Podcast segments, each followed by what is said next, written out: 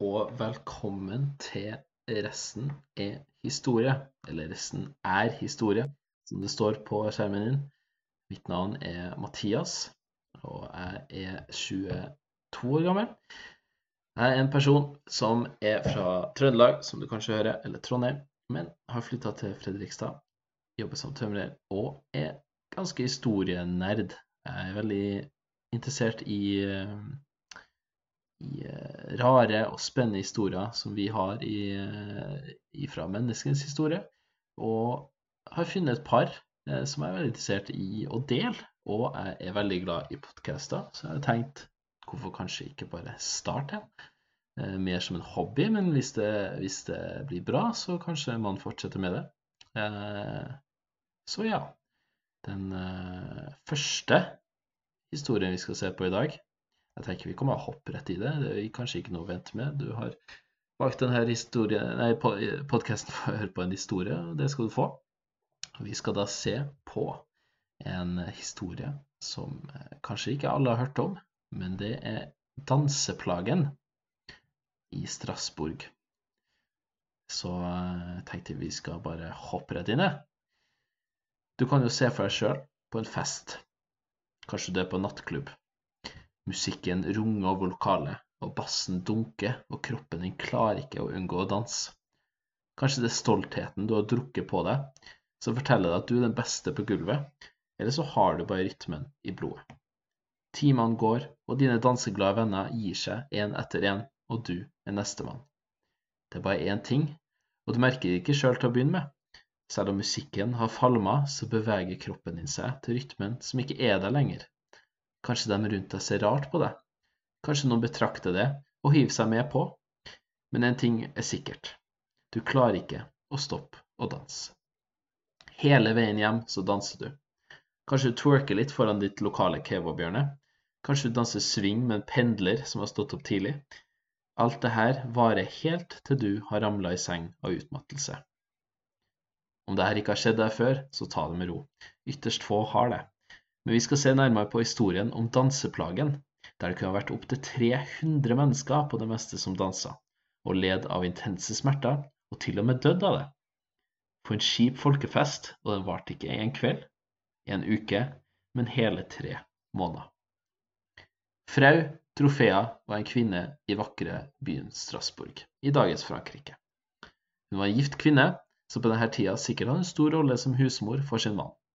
Hun vaska, hun snakka gossip med sine venninner, og led vel som alle andre damer da. Men denne julidagen var annerledes. Hun svaia kanskje med armene, rista på hoftene, steppa rundt på føttene og starta å danse. Det var ingen musikk eller poplåter som hjalp henne å bevege på seg, og det er tvil om at hun hadde en iPod i lomma. Hun dansa og dansa utover dagen, på steingatene i byen, mens naboene lagde middag, greide hestene sine og levde sine egne liv, så måtte de jo ha sett hun og brumma og ledd av dette merkelige synet. Men vår frau ga seg ikke. Hun sovna utmattelse, men fortsatt dagen etter. Time ut og time inn, og det er fortsatt i en ukes tid. Men ved enden av uken så var hun ikke alene. Minst 30 hadde blitt med på danseplagen, og på slutten av måneden så har det kanskje vært opptil 400 som var med. Byrådet i byen la jo selvfølgelig merke til det her, og de måtte finne en løsning på det her hysteriet.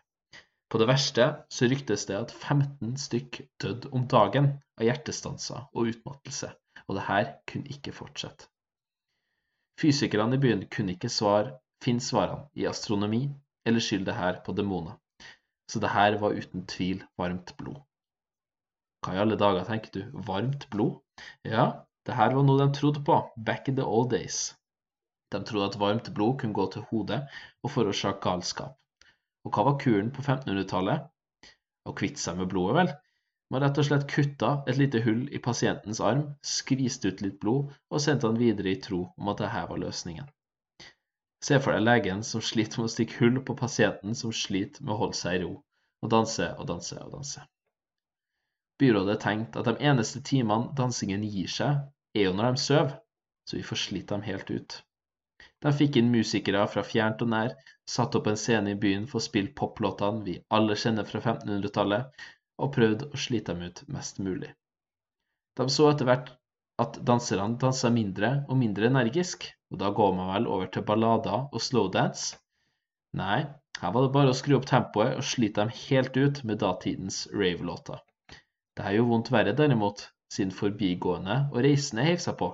De kunne ikke motstå denne festen, dem heller. Når den som, så, som styrte byen så at verken musikk eller å slippe ut blod funka, så måtte dette være en straff fra oven for deres synder. Politiet gikk raskt gjennom gatene og stengte alt av bordeller og gamblinghus, i håp om at de her synderne skulle finne noe annet å gjøre, men helst ikke dansing. I tillegg til nedstengningen donerte man også et lys til katedralen som veide så mye som 45 kilo, og håpet at dette kunne lyse opp dagen til Gud. Det siste, og kanskje det drøyeste, var bannlys, musikk og dans, og prisen for så lite som å plystre en trall var på 30 skilling, som i dag skal vært en drøy tusenlapp, men på den tiden kunne han kjøpt deg ca. tre kuer. Heldigvis så var det lov med strykemusikk på bryllupsdager, men alle ble sterkt påminnet om at tamburiner og trommer ikke var lov. Hvordan de øvde på sanger når det var bannlyst, det lurer jeg på, men de måtte vel gjøre det i smug. Men dansinga tok ikke slutt. De trengte en helt, hjelp fra oven, en helgen. Dette viste seg å være helgenen Vitus. Men hvem var denne mannen? Vi kan prøve å ta det i korte trekk, men denne Vitus var ingen mann, men snarere en gutt som skal ha dødd 12-13 år gammel som martyr. Ifølge legenden så var Vitus sønn av en senator i Luciania, beklager uttalelsen, men eh, jeg får håpe at det er rett, som er nå en historisk region av Italia, som prøvde å få han bort fra tronen sin, altså faren, og skal ha torturert den. Han flykta til Roma, med sin mentor og skal ha hjulpet til å drive en demon ut av keiseren Diokletian sin sønn. Diokletian var en romersk hersker på denne tida som ville fjerne kristendom fra det romerske riket.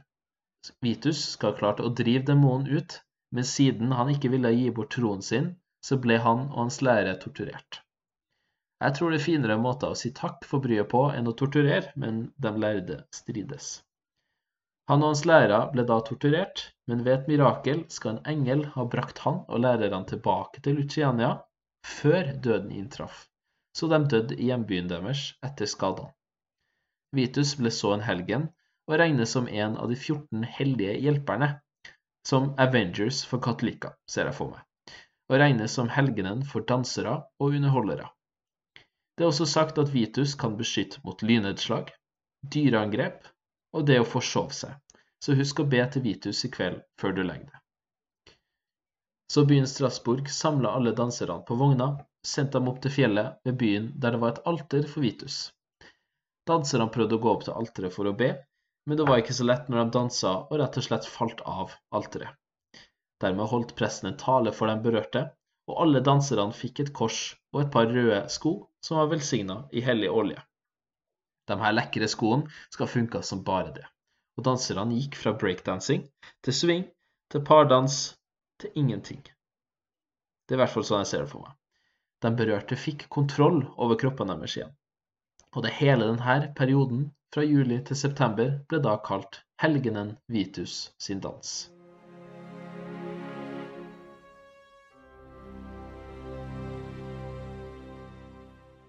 Men da mangler vi bare svaret på hva var grunnen til at Frau Trofea og hundrevis andre plutselig skulle danse sokkene deres av i så lang tid? En fysiker som besøkte byen åtte år etter utbruddet, Paracelsus, kom til denne konklusjonen. Han mente at Frau sin mann hata når hun dansa, og at hun dermed gjorde det bare for å irritere.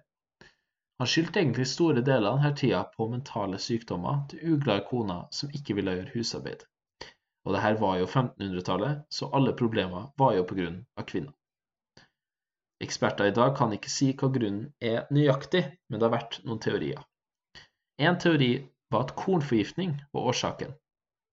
Det er en type sopp som heter ergot, som vokser som oftest på korn som brukes til bakevarer, og at ergotamin er et stoff som kommer fra denne soppen. Det vi vet i dag, er at ergotamin er en av komponentene i LSD, så teorien er da at folk rett og slett ruser seg ved å spise brød.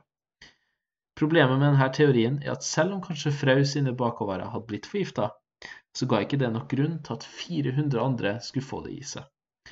Et annet forslag var gruppeepilepsi, men den blir fort avslått siden epilepsi heldigvis ikke er smittsom. Hva med en mystisk dansekult? En gruppe hemmelige dansefreaks som kommer fram hvert tiår? Denne teorien om en kult henger ikke helt sammen, siden hvorfor sprer den seg plutselig da til så mange, og vil de i kult utholde utrolige smerter og til og med dø? Og på denne tida var jo hele Europa på kultalerten, så det er liten tiltro til at det var en rekke hemmelige dansere i byen. Så all denne dansinga viser seg dermed, og den teorien vi kan sette vår lit mest til, å være et tilfelle av massehysteri. I Strasbourg i årene 1492 til 1511, noen år før danseåret vårt, så var det fire hungersnøder på 19 år. I tillegg så gikk prisen på mat i 1516 betraktelig opp, og året etter kom enda en hungersnød til byen. Danseåret vårt, 1518, ble også plaga av kopper, spedalskhet som spredde seg, og barnehjemmet ble overfylt med minst 300 barn dette året. Byen var i tillegg livredd for å bli besatt av demoner, og byen var rett og slett på grensen til å klikke. Og byen var et perfekt sted for masse hysteri og starte. Supernaturelle trosretninger hadde folk til å tro at tankene og kroppene deres ble styrt av en kraft så sterk at kroppene ikke var deres til å styre. De trodde at de ble styrt av en usynlig kraft, og da var det jo passende at kuren var en usynlig Vitus Helgen. Og noen røde, lekre, hellige sko. Og resten er historie. Ja, så da har du hørt første episode av Resten er historie. Jeg håper du likte den, og at du blir med videre og lærer nye, morsomme, triste og interessante ting fra verdens historie. Kanskje ikke alle på en gang, men vi kan prøve å ta litt her og litt der. Om du vet denne episoden, så hadde jeg satt stor pris på det, da podden blir mer synlig, og gjerne del den med dine kjære hvis du vil eh, at flere skal høre på. Om du har innspill, ris, ros eller anbefalinger til historier som du mener flere bør vite om, så gi meg tips. Hvor du finner meg, det er i bioen til episoden. Så tusen takk for at du ville høre. Ha en super dag videre, og resten er historie.